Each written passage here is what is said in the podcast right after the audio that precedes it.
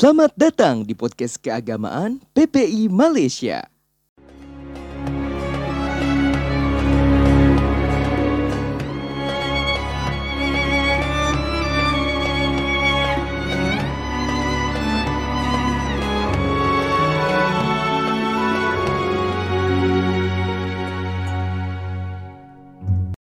Assalamualaikum warahmatullahi wabarakatuh.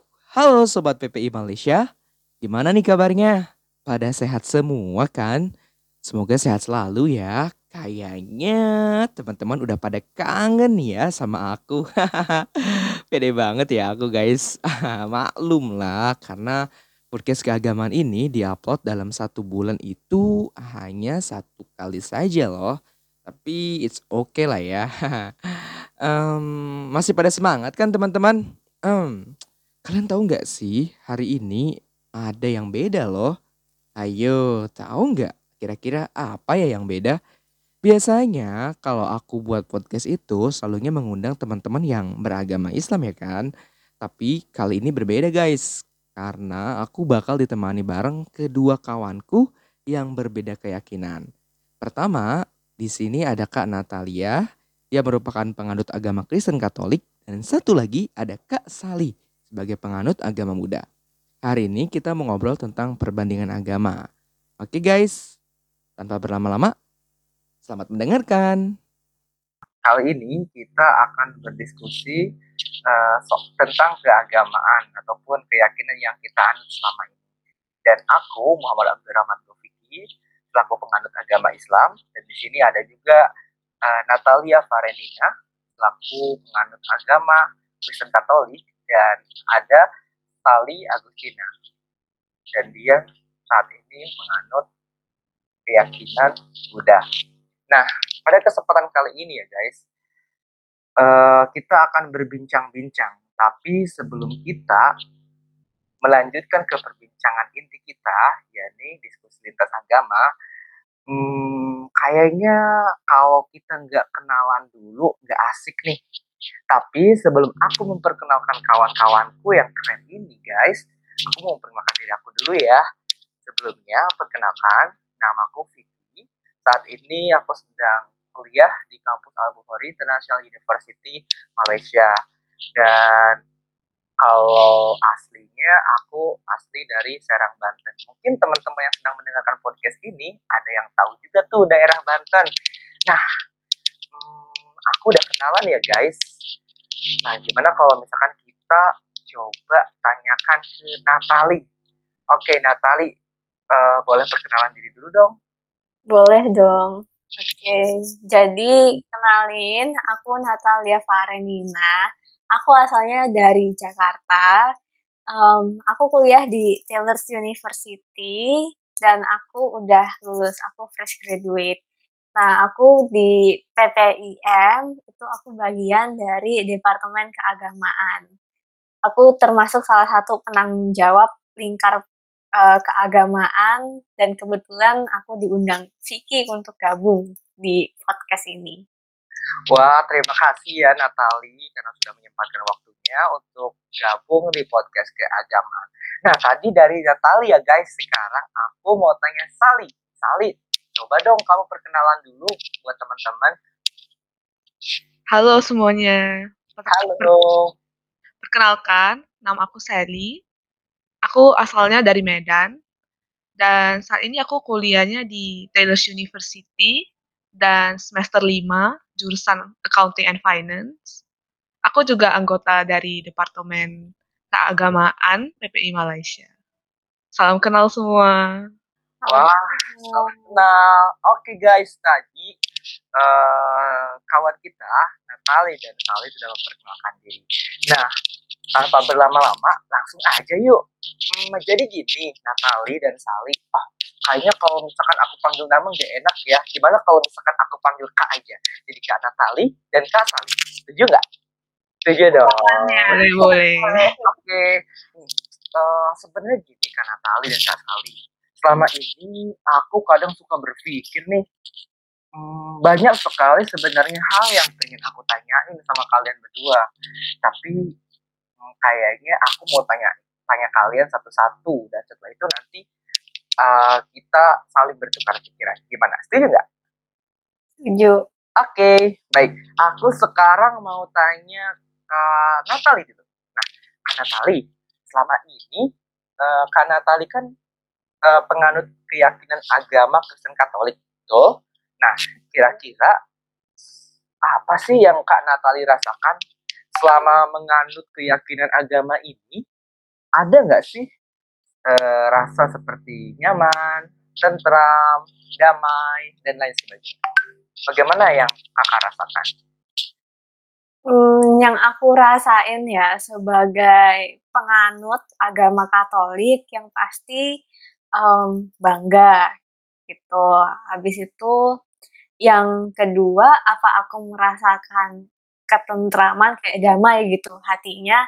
Uh, jelas iya, karena di ajaran aku sendiri uh, kita itu apa ya sangat menjunjung kedamaian gitu, uh, kedamaian antar uh, manusia, hati dan lain sebagainya. Jadi ya selama ini aku menganut agama Katolik aku sangat-sangat bangga dan damai itu hatinya. Wah, jadi memang hmm, Kak Natali merasa tentram dan damai ya selama meyakini uh, kepercayaan ini. Nah, kalau itu dari Kak Natali ya guys. Nah, kalau misalkan dari Kak Sali gimana? Pertanyaannya sama seperti Kak Natali. Gimana Kak Sali? Hmm, jujur sih, aku pastinya selalu ya ngerasa aman, terlindungi, dan pastinya tentram juga. Terus kadang juga kalau ada masalah misal, uh, di agama Buddha tuh ada tuh namanya meditasi ya. Nah, meditasi ini tuh biasanya aku lakukan tuh pas kalau lagi stres, lagi anxiety, atau lagi not in a good condition atau bad mood gitulah. Jadi kalau misalnya udah lakuin meditasi ini, aku tuh pasti ngerasa kayak tenang banget gitu. Kayak hati aku jadi tentram, Terus selama aku menganut agama Buddha, aku selalu kayak keep on track gitu loh, dalam artian aku tuh ada di jalan yang benar atau baik. Walau ya kadang pasti ada lah buat salah. ya. Oh, jadi gitu. Oke. Okay. Um, ini dari aku ya. Kalian mau tahu nggak persepsi aku? Boleh dong, mau tahu dong. Tentunya dong. Nah, aku sudah sekian lama menganut kepercayaan ini, agama Islam. Ketika aku lahir ke dunia ini, aku sudah terlahir dalam keadaan suci. Karena di dalam Islam itu ada apa namanya riwayat yang mengatakan bahwasanya kullu mauludin yuladu alam fitrah. Setiap anak yang dilahirkan ke muka bumi ini yang dilahirkan itu dalam keadaan suci. Dan karena memang kedua orang tuaku yang beragama Islam, aku pun menganut agama Islam. Dan semua keluargaku menganut kepercayaan agama Islam. Ya lebih tepatnya ini adalah agama. Kita yakin dan mengimani bahwasanya Allah itu satu, Allah itu esa. Dan aku merasa sangat bahagia dan sangat tenang selama aku masih memiliki iman dan Islam dalam jiwa. Karena yang aku tahu bahwasanya Islam itu artinya selamat. Barang siapa yang memang dia meyakini bahwasanya Allah adalah Tuhan yang Maha Esa, maka ia akan selamat. Nah, seperti itu kalau dari aku. Nah, sekarang uh, aku punya pertanyaan yang lain. Boleh nggak Kak Natali dan Kak Salim? Boleh. Boleh dong. Nah, jadi gini, uh, ini buat Kak Sali dulu ya. Dalam persepsi agama yang Kak Sali anut, kira-kira bagaimana sih seseorang itu dianggap sah masuk ke dalam agama Buddha? Atau sederhananya, bagaimana konsep seseorang itu untuk masuk ke dalam agama kamu? Nah kan kalau di Islam itu kan ada salah satu syarat untuk masuk ke dalam agama Islam itu harus mengucapkan dua kalimat syahadat. Nah, kalau di dalam keyakinan eh, Buddha sendiri bagaimana? Bagaimana Kak Salim? Silakan. Nah, dalam agama Buddha itu kan lebih ke tentang cara kita melepaskan diri dari penderitaan dan mencapai kebahagiaan. Jadi sebenarnya tuh bebas aja sih untuk dipelajari oleh siapa pun. Jadi kalau misalnya ada seseorang yang merasa ilmu ini atau ajaran Buddha ini tuh berguna, ya silakan dipelajari, dipraktikkan, dan seharusnya tidak mengganggu iman seseorang ya. Terus juga setahu aku, gak ada acara penabisan atau atau yang lainnya untuk dianggap sebagai umat Buddha. Ya tinggal rajin datang ke vihara mendengar dharma atau ajaran Buddha. Intinya sih gak ada syarat khusus ya. Kalau ada yang merasa cocok dengan ajaran Buddha, silakan. Bahkan tidak harus menjadi umat Buddha secara resmi. Karena ya untuk jadi umat Buddha tuh sebenarnya gak ada paksaan sih. Sekian dari Oke, jadi gitu ya Kak Sali. Nah, kalau dari keyakinan Kak Natali bagaimana? Kalau dari keyakinan aku sendiri itu um, ada dua cara kalau mau jadi Katolik gitu. Yang pertama itu kalau misalnya orang tua kita tuh dua-duanya Katolik, ya otomatis anak-anaknya juga pasti ngikut dong. Nah, tapi supaya lebih official lagi, um, biasanya kita itu dibaptis pas masih kecil gitu. Itu kalau dari orang tuanya ya, yang dua-duanya Katolik. Nah, yang kedua itu kalau misalnya nih ada orang yang misalnya dari penganut kepercayaan lain mau jadi Katolik, itu bisa banget gitu. Tapi mereka harus uh, belajar dulu biasanya mereka uh, bisa apa namanya belajar di gereja atau di perkumpulan Katolik uh, sekitar setahun kurang lebih. Nah baru mereka uh, dibaptis gitu. Dibaptis itu supaya mereka apa ya um, sebagai syarat mereka tuh bagian dari dalam gereja gitu sebagai umat Katolik yang official tapi ajaran Katolik sendiri tuh benar-benar terbuka banget gitu untuk siapa pun gitu. Benar-benar apa ya, welcome kalau kalian mau belajar tentang Katolik, uh, ya sumbernya bisa dari mana aja gitu. Kalian nggak harus jadi Katolik yang resmi kurang lebih jawaban aku sama jawabannya Sali hampir sama sih kayak gitu. Oh, seperti itu. Hmm, tapi hal ini agak sedikit berbeda tentunya dengan keyakinan aku, dengan hmm. agamanya, dengan agama aku ini agama Islam. Karena seseorang sah dianggap masuk ke dalam agama Islam itu syaratnya harus mengucapkan dua kalimat syahadat yang bunyinya seperti ini. Asyhadu alla ilaha illallah wa asyhadu anna Muhammadan abduhu wa rasuluh aku meyakini, aku bersaksi dengan sungguh-sungguh bahwasannya tiada Tuhan selain Allah.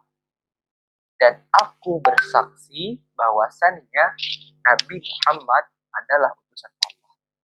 Siapa pun yang mengucapkan kalimat dua syah, kalimat syahadat ini, mau dia orang Kristen, mau dia orang Buddha, Katolik, Protestan, siapa pun itu, ketika sudah mengucapkan dua kalimat syahadat, maka dia sah dianggap sebagai seorang muslim. Tetapi karena tali dan tali, seseorang memang betul dianggap sebagai seorang muslim jika mengucapkan dua kalimat syahadat ini. Tetapi perlu di kalian ketahui bahwasannya untuk menjadi seorang muslim yang sejati itu banyak yang harus dilakukan tentunya Kak Salim hmm. karena tali. Nah, kenapa harus mengucapkan dua kalimat syahadat? Karena ini menjadi gerbang utama. Gerbang utama untuk masuk ke dalam agama Islam. Aku kasih contoh kayak gini, Kak Salim. Nah, contohnya gini. Uh, dan Kak Natali ya tentunya. Oh, Kak Salim sama Kak Natali ya. Aku, ses ada seseorang yang ingin masuk ke kampus. ya. Tetapi dia ini nggak daftar di awal nih di tengah-tengah dia itu ikut apa namanya perkuliahan, dia ikut kegiatan-kegiatan kampus, nah dan lain-lain. Nah sampai tiba waktunya ia wisuda. Nah, saat orang lain itu dapat ijazah, dia nggak dapat ijazah. Nah, kira-kira kenapa? Karena ini perumpamaannya gitu loh. Hmm. Menjadi seorang muslim itu harus mengucapkan ter, kalimat syahadat terlebih dahulu karena ini menjadi gerbang, gerbang utama untuk seseorang masuk ke dalam agama Islam. Di dalam agama kami ya sebenarnya uh, semua orang yang terlahir ke dunia itu sebenarnya dalam keadaan suci seperti apa yang telah aku jelaskan tadi sebelumnya. Nah, sebenarnya kenapa bisa dikatakan seperti itu? Karena ketika di dalam kandungan, lebih tepatnya ketika usia uh, janin itu empat bulan, ya, di situ ada perjanjian antara Rob, yakni Tuhan Allah Subhanahu Wa Taala dengan hambanya. Allah Rabbikum. Apakah kalian apa namanya mengakui bahwasannya aku Tuhan? Lalu mereka menjawab, lalu si bayi itu menjawab, ya janin ini, bala syahid tu syahidna anta Iya, kami mengakui bahwasannya engkau Tuhan. Di, dari kedua perjanjian ini antara Rob dengan hambanya, dengan si janin ini, dengan calon bayi ini, itu bisa dikatakan dia itu memang meyakini bahwasannya tidak ada Tuhan selain Allah. Nah, setelah itu nanti ia ditiupkan oleh malaikat, ya, dia akan ditulis, dicatat apa namanya mengenai uh, jodohnya, kematiannya, rizkinya dan lain sebagainya. Itu sudah di dituliskan di lauh mahfuz namanya seperti itu. Jadi ya di dalam Islam sendiri ketika seseorang itu sudah mengalami sudah mengucapkan dua kalimat syahadat tentunya masih banyak kewajiban-kewajiban yang harus dipenuhi sebagai seorang muslim. Ya karena di dalam Islam itu ada namanya rukun iman dan rukun Islam. Ya rukun iman ini ada enam dan rukun Islam ini ada lima. Jadi itu hal-hal yang benar-benar harus di, diikuti dan ditaati oleh sebagai oleh seorang muslim. Seperti itu. Oke okay. itu singkatnya ya kak ya. Nah sekarang uh, aku mau tanya nih, bagaimana Ed ini buat Kak Natali ya, menurut Kak Natali, ya, bagaimana cara seseorang, cara penganut Katolik itu untuk mendekatkan diri kepada Tuhannya. Nah, dari Kak, Kak Natali bagaimana? Kalau dari aku, ini mungkin kalau kebanyakan orang akan menjawab ya berdoalah gitu. Apalagi mendekatkan diri kepada Tuhan. Tapi aku di sini punya perspektif yang berbeda gitu. Jadi um, menurut aku cara untuk mendekatkan diri ke Tuhan itu salah satunya dengan berbuat baik gitu. Mengasihi sesama manusia dan makhluk hidup yang lain. Kenapa aku bilang kayak gini? Karena um, dengan kita berbuat baik itu kan salah satu cerminan dari agama kan ya. Kalau agama kan pasti ngajarin yang baik-baik dong. Habis itu kalau misalnya kita berbuat baik ya perbuatan kita pastinya juga akan berkenan di mata Tuhan dan di mata manusia gitu. Jadi kayak dengan kita melakukan hal-hal yang baik pasti Tuhan tuh apa namanya bangga gitu sama umatnya. Dan itu salah satu cara kita untuk mendekatkan diri gitu.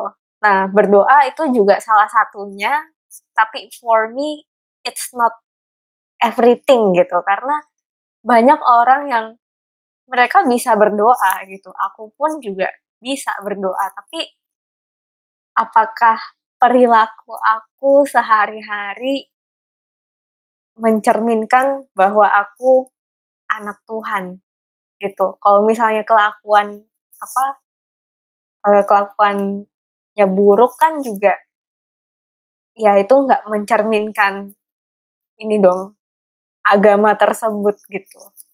Itu sih perspektif aku ya, cara mendekatkan diri kepada Tuhan berbuat baik berbuat baik dan terus berdoa ya.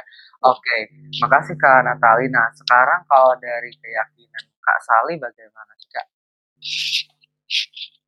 Um, jujur aku setuju sih sama yang Kak Natali bilang. Terus sebenarnya di agama Buddha kita tuh nggak berpusat kepada Tuhan, karena tujuan Sang Buddha tuh sebenarnya lebih ke agar umatnya bisa mencapai kebahagiaan dan bebas dari penderitaan seperti aku bilang tadi. Jadi umat Buddha tuh lebih ke yang gimana ya, mungkin dengan menjalankan atau mempraktikkan ajaran Buddha dengan baik, jadi kita merasakan ketenangan dalam diri, menjadi lebih bahagia, dan mungkin lebih ke yang berbuat hal-hal baik. Terus ajaran Buddha itu bukan untuk meminta-minta kepada Tuhan. Jadi tujuan berdoa itu agar kita bisa merenungkan sifat-sifat dan sikap-sikap dari orang-orang yang suci seperti Sang Buddha. Jadi dengan perenungan itu diharapkan kita bisa sadar sadar diri akan apa yang kurang atau salah dari diri atau kelakuan kita. Dengan berdoa itulah harusnya orang lebih dekat untuk memiliki hati yang memiliki jiwa ketuhanan. Kayak ke dalam arti lain tuh menjadi orang yang berbaik hati gitu. Wow, interesting. Wah, interesting juga ya teman-teman. Um, nah, kalian gak, gak nyuruh aku, aku mulai jawab. Coba dong dari Vicky pengen tahu gitu. Oke, okay. sebenarnya nggak nggak jauh berbeda sih dengan apa yang sudah Natali sampaikan tadi. Tetapi di dalam Al-Quran itu banyak apa namanya yang menyebutkan bentuk kasih sayang Allah. Ya, bentuk kasih sayang Allah, Allah memiliki sifat Ar-Rahman, Ar-Rahim. Allah juga memiliki sifat yang namanya Al-Ghafur, Al-Latif. Ada yang yang mana sifat-sifat Allah itu apa namanya tertulis di dalam Asmaul Husna, nama-nama Allah. Nah, di sini aku mau ngasih tahu satu ayat saja. Kata Allah, ya Allah telah berfirman, "Ud'uni fastajib lakum." Ya, berdoalah kepadaku, mintalah kepadaku, ya maka aku akan menjawab, maka aku akan mengabulkan kata Allah. Ya. Uh, sebanyak apa pun dosa seorang hamba, ya, sebanyak apa pun kesalahan yang dilakukan oleh umat Islam, Allah itu maha luas ampunannya. Allah itu maha pemaaf. Karena Allah memiliki sifat al-ghafur, maha pengampun ataupun maha pemaaf. Jika seorang hamba melakukan dosa sebesar apa pun itu, ingatlah bahwasanya Allah, ampunan Allah itu maha luas. Ketika sudah melakukan kesalahan, bertaubat, meminta lagi, memohon ampunan kepada Allah. Nah, itulah bagaimana bagaimana caranya umat apa namanya uh, Islam itu mendekatkan dengan cara berdoa, ya, dengan cara sholat gitu. Jadi di dalam ayat Al-Quran itu ada yang mengat, uh, dikatakan uh, apa namanya, wahai orang-orang yang beriman, ya, jadikanlah sholat, jadikanlah sholat dan sabar sebagai penolong. Nah, bahwasannya selain melakukan doa, uh, meminta doa kepada Allah ya, cara mendekatkan diri itu bisa bisa apa namanya uh, melaksanakan sholat. Karena sholat adalah tiang agama gitu loh. Banyak sekali cara hamba untuk mendekatkan diri kepada rohnya ya, tadi sudah aku sebutkan berdoa sholat. Karena apa? Karena di dalam sholat itu terdapat banyak sekali doa-doa ya, dari mulai takbiratul ihram sampai salam ya membaca ayat suci Al-Quran di dalamnya itu terdapat ayat-ayat yang berisi tentang doa. Ada juga zikir ya. Zikir. Allah, ala bidzikrillah tatmainnul qulub. Ya. Hanya dengan mengingat Allah, maka hati akan menjadi tentram gitu. Nah, kalau aku pribadi ya, ketika aku ada masalah, masalah apa pun itu, ya apa yang aku lakukan? Ya tentunya meminta ampunan kepada Allah. Introspeksi diri sebanyak mungkin. Gitu. Apakah aku ini sudah banyak melakukan dosa, melakukan kesalahan? Karena apa? Karena jikalau seseorang itu terlalu banyak melakukan sebuah kesalahan, maka apa yang terjadi? Hatinya itu tidak akan menjadi tentram, yang ada gundah gulana. Apa yang seharusnya dilakukan? Ini mendekatkan diri kepada Allah. Kadangkala Allah itu memberikan ujian sebab apa? Sebab Allah rindu kepada hambanya. Bahkan ada ya hamba yang mengatakan, Ya Allah, kenapa begitu besar dan begitu banyaknya masalah hidup. Tetapi bahwasanya perlu diketahui masalah yang terjadi di dalam diri kita. Kembalikan lagi kepada diri kita. Apa, bagaimana hubungan kedekatan, hubungan baik kita dengan Rob, dengan Allah. Apakah baik atau tidak? Nah, seperti itu. Jadi banyak sekali Kak Natali dan Kak Sali. Karena di dalam agama Islam itu penganut agama Islam tidak disulitkan gitu ya. Apalagi kalau misalkan ada hambanya yang ingin bertaubat kepada Allah, mendekatkan diri kepada Allah, maka banyak banget caranya. Salah satunya itu sholat, doa, berzikir, sodako, dan lain sebagainya. Melakukan amal-amal kebajikan selama di dunia. Nah, seperti itu. Gimana Kak Natali dan Kak Sali? Wah, ini perspektif baru ya buat aku kayak a new knowledge gitu keren keren oke okay. nah ada dua pertanyaan lagi nih nah kira-kira aku mau sebutkan beberapa hal-hal yang diperbolehkan dan diwajibkan di dalam keyakinan agamanya Kak Sali. Gimana Kak Sali? mungkin yang dilarang dulu apa misalkan seorang penganut agama Buddha tidak diperbolehkan untuk melakukan hal-hal bla bla bla gitu ataupun seorang Buddhis itu harus uh, berkewajiban untuk melaksanakan ibadah misalkan nah kira-kira kalau dari persepsi Kak Ali sendiri bagaimana? Nah kalau di agama Buddha tuh dia ada ada ada ajaran moralitas atau biasa disebut Pancasila Buddhis itu biasanya harus dilakukan dan ditaati yaitu yang pertama, tidak boleh membunuh makhluk hidup. Yang kedua, tidak boleh mencuri atau mengambil barang yang bukan milik kita. Yang ketiga, tidak boleh melakukan tindakan asusila.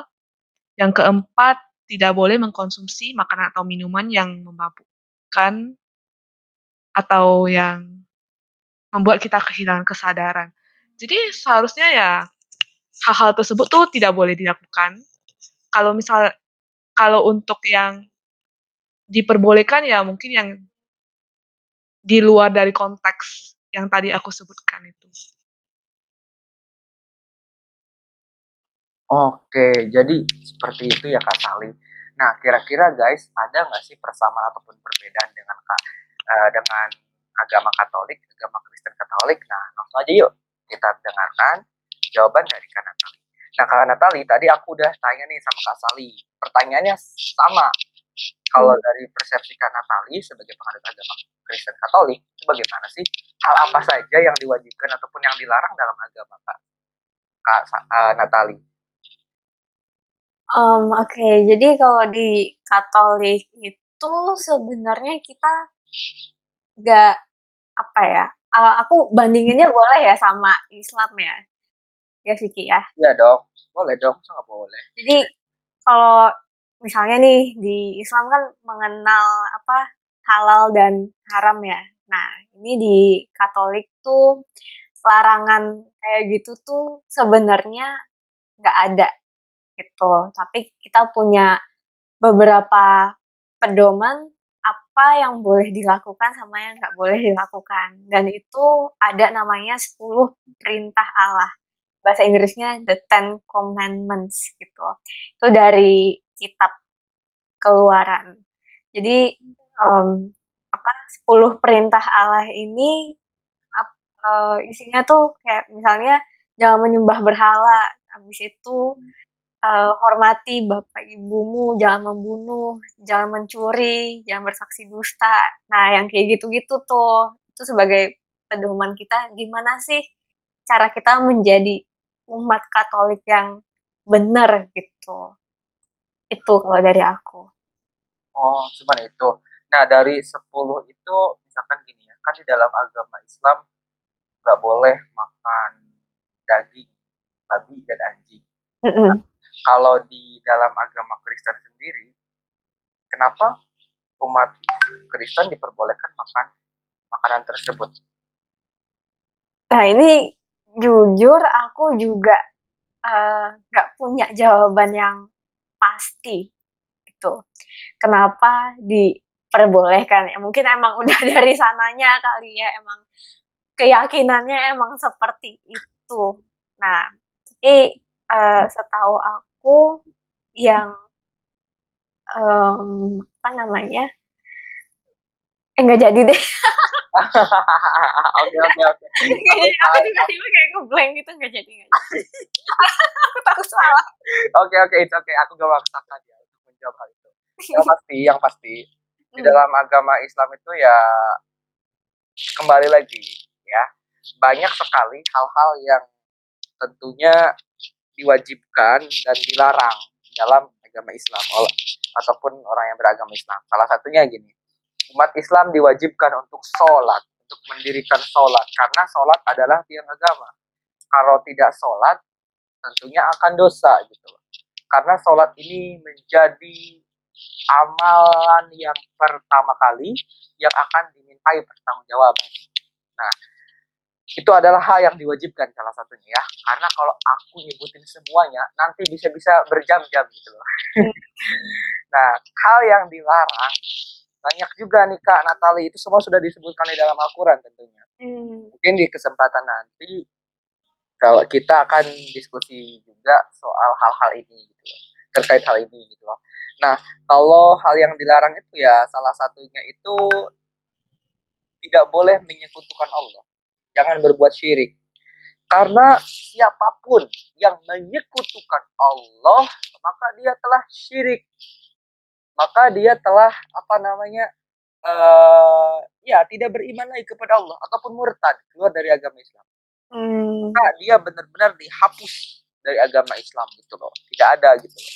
Dan kemudian selain syirik, ya, kemudian hal-hal yang dilarang itu misalkan hal yang kecil yang biasa ya tidak boleh mencuri, tidak boleh berzina, hmm. tidak boleh berbohong dan lain-lain. Mungkin itu sudah uh, umum juga ya.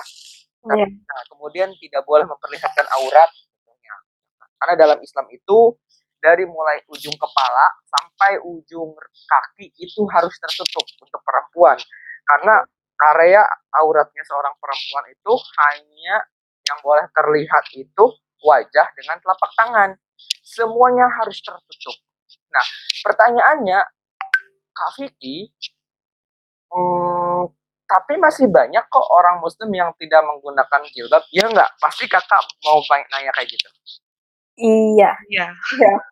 Nah, sebenarnya gini kak. Eh, kenapa seseorang itu dia sebenarnya menganut agama Islam, agama Islam. Tetapi kenapa dia tidak menutup aurat? Ya karena apa namanya ya? Karena keimanan seseorang itu berbeda-beda. Hmm. Al imanu yazidu bi ta'at wa yanqusu bil maksiat. Keimanan seseorang itu bertambah dengan uh, ketaatan dan berkurang dengan kemaksiatan. Manakala seseorang itu dia membuka aurat, misalkan, entah laki-laki dan perempuan. Karena laki-laki juga ada auratnya, Kak. Ya, auratnya itu dari mulai uh, ini apa ya? Lutut sampai kaki. Eh, bukan, deh, salah, salah, salah. Dari dari dari lutut sampai pusar. Hmm. Sampai pusar perut. Oke, okay? tahu kan gitu loh. Jadi ya memang seperti itu. Ada yang memang orang-orang betul-betul yakin, beriman, takut sama Allah. Orang yang takut sama Allah akan menjauhi larangannya Allah. Tapi kalau orang yang nggak takut sama Allah, antem aja. Meskipun hmm. dilarang, lanjut. Kayak gitu kan. Jadi memang setiap muslim juga ya tidak semuanya itu sempurna. Pasti pernah melakukan dosa. Kullu ni Adam khoto'un. Setiap anak Adam, cucu Adam itu melakukan kesalahan. Wa khairul khoto'una. Dan apa namanya sebaik-baiknya uh, kesalahan itu tawabun. Jadi setelah melakukan kesalahan, perbuatan dosa, maksiat, ada bertaubat gitu loh. Jadi ya salah satunya mau dalam pengampunan itu ya adanya taubat. dan Hmm. taubat nasuha ya taubat yang betul-betul gitu yang sungguh-sungguh tidak akan pernah mengulangi maksiat lagi gitu. kayak gitu kak ya Oke. mana kak Seru deh dengerin Vicky ngejelasin adem ya. Iya, iya. nah itu dari persepsi agama Islam Hmm.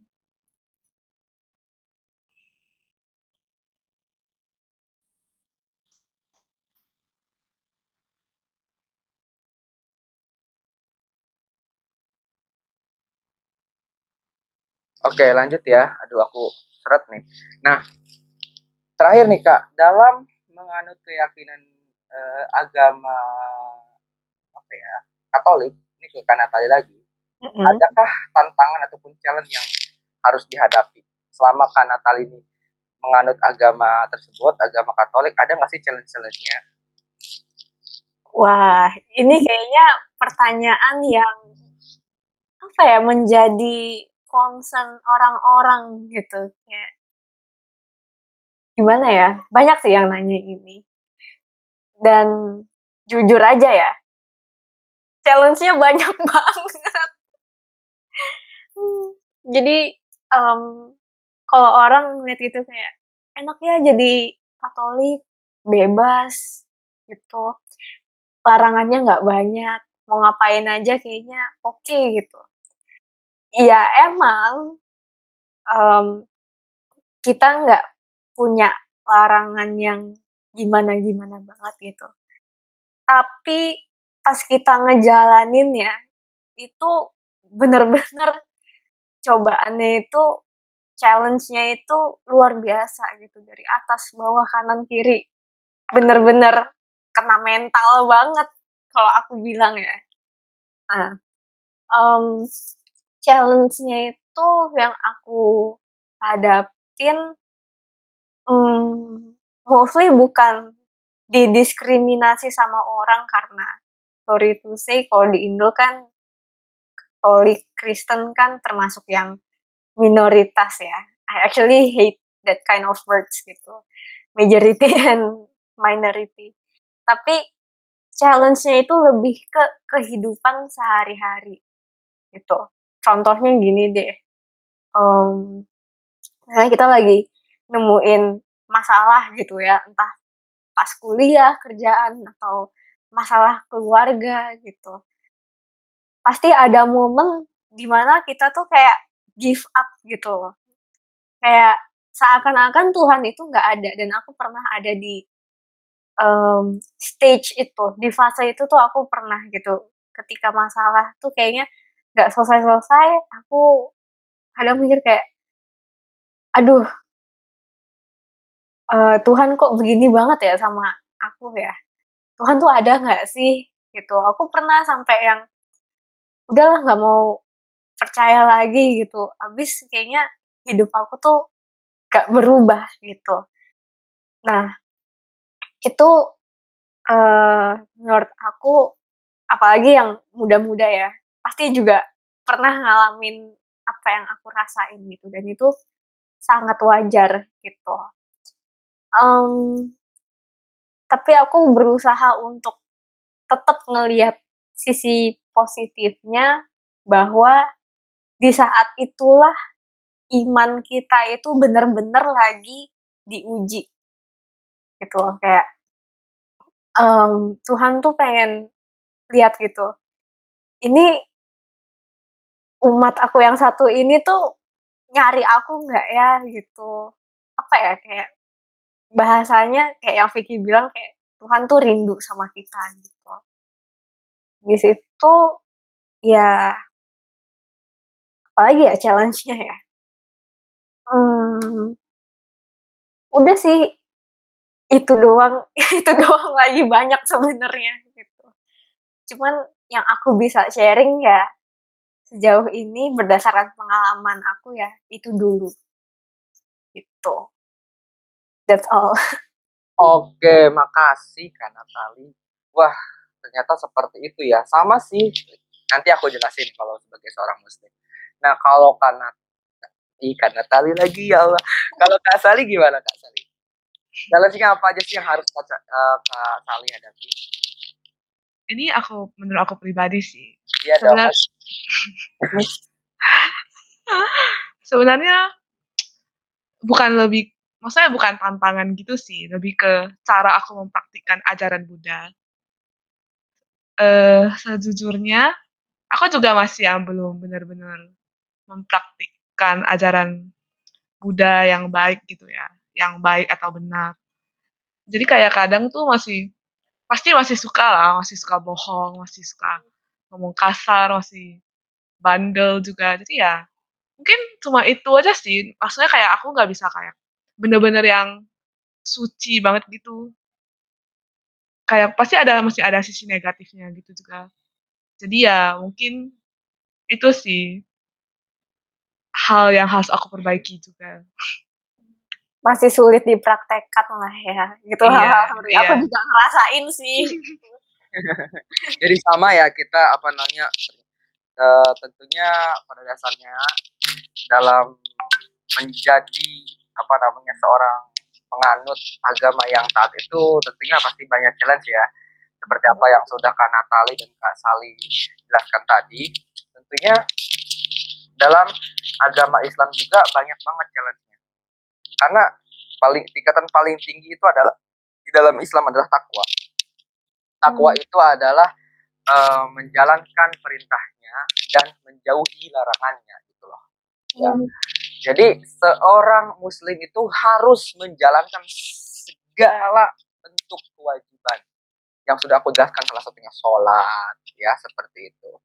Puasa di bulan suci Ramadan zakat nah, kemudian naik haji bagi yang mampu kewajiban kewajibannya gitu loh. Nah eh, tentunya aku pribadi untuk menjadi seorang hamba yang taat itu banyak banget ya tantangannya kadang-kadang ketika iman itu sedang turun itu rasanya pengen aja bermaksiat gitu ya Allah gitu. Kadang-kadang khilaf kadang-kadang ingat dosa kadang-kadang lupa lagi. Kadang-kadang gini loh seorang itu dia kalau misalkan lagi ditimpa masalah ingat sama Rob ingat sama Tuhan ingat sama Allah. Tapi ketika di, lagi dapat kesenangan lupa gitu loh. Itu challenge-nya gitu loh kadang agak susah untuk bersyukur kadang susah juga untuk yang namanya kona'ah kona'ah itu menerima apa adanya gitu. Selalu ingin lebih selalu ingin merasa eh, beda yang lain gitu loh. Kadang juga ada yang namanya sombong. Itu agak sulit sekali dihindari oleh manusia gitu ya. Khususnya untuk umat Islam. Umat Islam aja sih yang lain juga kayak gitu pastinya yang namanya Iya. sombong. Nah kemudian banyak juga challenge-nya gitu seperti sholat gitu ya. Kadang gini loh eh waktu sholat sudah tiba ya. Waktu sholat sudah tiba tetapi kan udah ada aja nih Allahu Akbar Allahu Akbar. Kadang-kadang itu mager buat buat sholat gitu loh ya.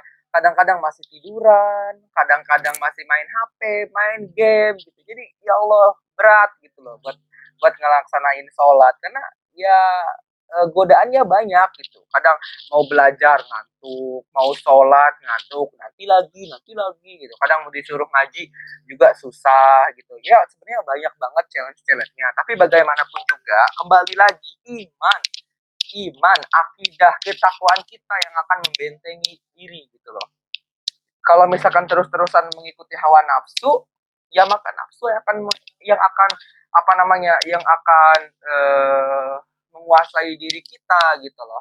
Tetapi kalau misalkan kita bisa mengendalikan hawa nafsu dalam bentuk apa pun juga insya Allah akan selamat ya. Ketika ingin bermaksud kepada Allah istighfar ingat sama Allah takut sama Allah. Karena kalau seseorang seorang muslim itu sudah takut dengan adanya Allah ya maka dia akan apa namanya tidak akan berani untuk melanggar larangan-larangan Allah gitu loh. Jadi selalu taat beribadah kepada Allah. Jadi ya intinya menjadi seorang muslim itu mudah hanya menjalankan syariat Allah aja, menjalankan kewajiban dan menjauhi larangan. Meskipun mudah tetapi pada kenyataannya pada faktanya itu susah karena kali kasali. Ya namanya juga orang ya kan nggak semuanya taat nggak sejauh-jauh lah ya mungkin di di agama Kak Natali juga nggak semua orang itu taat kan nggak semuanya orang itu bejat juga kan ada seorang ada penganut Katolik yang taat, ada penganut uh, Buddha yang taat, ada juga yang gak taat, begitu. Tapi sekarang ini, ironisnya, semua bentuk kejahatan itu kadang-kadang mengatasnamakan agama. Salah satunya misalkan terorisme. Ini aku bahas ke situ ada ke ada kejadian pengeboman. Siapa yang disalahkan? Islam. Jadi selalu kadang-kadang yang di yang disalahkan itu Islam. Padahal kita sudah sepakat bahwasanya terorisme itu ya bahwasanya terorisme itu terorisme itu tidak ada kaitannya dengan agama apa pun. Agama Islam agama Kristen Buddha Konghucu siapa pun itu sangat mengutuk keras dengan bentuk terorisme karena kita nggak bisa menyimpulkan begitu saja gitu loh. Ada yang melakukan bom bunuh diri tiba eh, tiba-tiba, oh dia seorang muslim dan lain sebagainya. Tiba, uh, nanti terus diberitain tujuh hari tujuh malam gitu. Hmm. Bahwasannya ya itu berita itu nggak benar. Semua itu kadang-kadang fitnah. Kalau usah jauh-jauh misalkan kayak kelompok teroris ISIS gitu loh. Itu apa nama identiknya dengan muslim. Padahal ada data yang mengatakan bahwasannya itu adalah uh, bentuk apa apa ya kayak perbuatan yang dilakukan oleh pihak lain gitu yang ingin memfitnah Islam seperti itu. Ya semoga aja kita berdoa eh, apa namanya semoga kerukunan antar umat beragama di Indonesia khususnya selalu tentram, damai tanpa adanya kekacauan. Ya, kita sama bersaudara, kita berada di negara yang sama, entah itu Islam, Kristen, Buddha, Konghucu, uh, Hindu, semuanya kita bersaudara, ya, karena binek kita memiliki keberagaman, ya, bineka tunggal ika, nah seperti itu. Jadi ya maybe kita akhiri saja. Pokoknya makasih banyak ini karena tali tak terasa ternyata pertanyaan aku udah habis nih. Aku yang harusnya say thank you loh. Aku sama Salih yang harusnya say thank you. Udah diundang di podcastnya Vicky nih. ya ini makasih banyak loh Kak Sali, Kak Natali gitu. Oke okay, guys, tadi kita sudah mendengarkan secara langsung persepsi daripada saya, Kak Natali dan Kak Sali mengenai apa namanya uh, persepsi terhadap apa uh, keberagaman gitu loh. Uh, apa ya pelaksanaan dalam hal agama gitu. Nah jadi guys pokoknya semoga saja kita masih bisa berjumpa di lain waktu. Dan saya minta kepada teman-teman, jangan lupa ketika PPIM mengupload uh, audio podcast, jangan lupa didengerin ya teman-teman, karena kalian bakal banyak banget dapat ilmu dan pengetahuan. Oke, okay? sebelumnya aku ucapkan terima kasih buat Kak Natali dan Kak Sali yang sudah mau join di podcast keagamaan PPI Malaysia. See you next time. Bye bye. Bye. Thank bye. you Thank you Vicky. Ya bye bye. Jangan lupa didengerin ya. Jangan lupa di like juga. Wah, gimana teman-teman? Setelah mendengarkan obrolan kami bertiga, jadi tahu kan bagaimana agama Islam, Buddha, dan Kristen Katolik Oh ya, bagi kamu yang punya kritik dan saran untuk podcast keagamaan PPI Malaysia, jangan sungkan untuk menyampaikan ya. Oke, saya Muhammad Abdurrahman Gofiki selaku host mohon undur diri. Wassalamualaikum warahmatullahi wabarakatuh. See you next time. Bye-bye.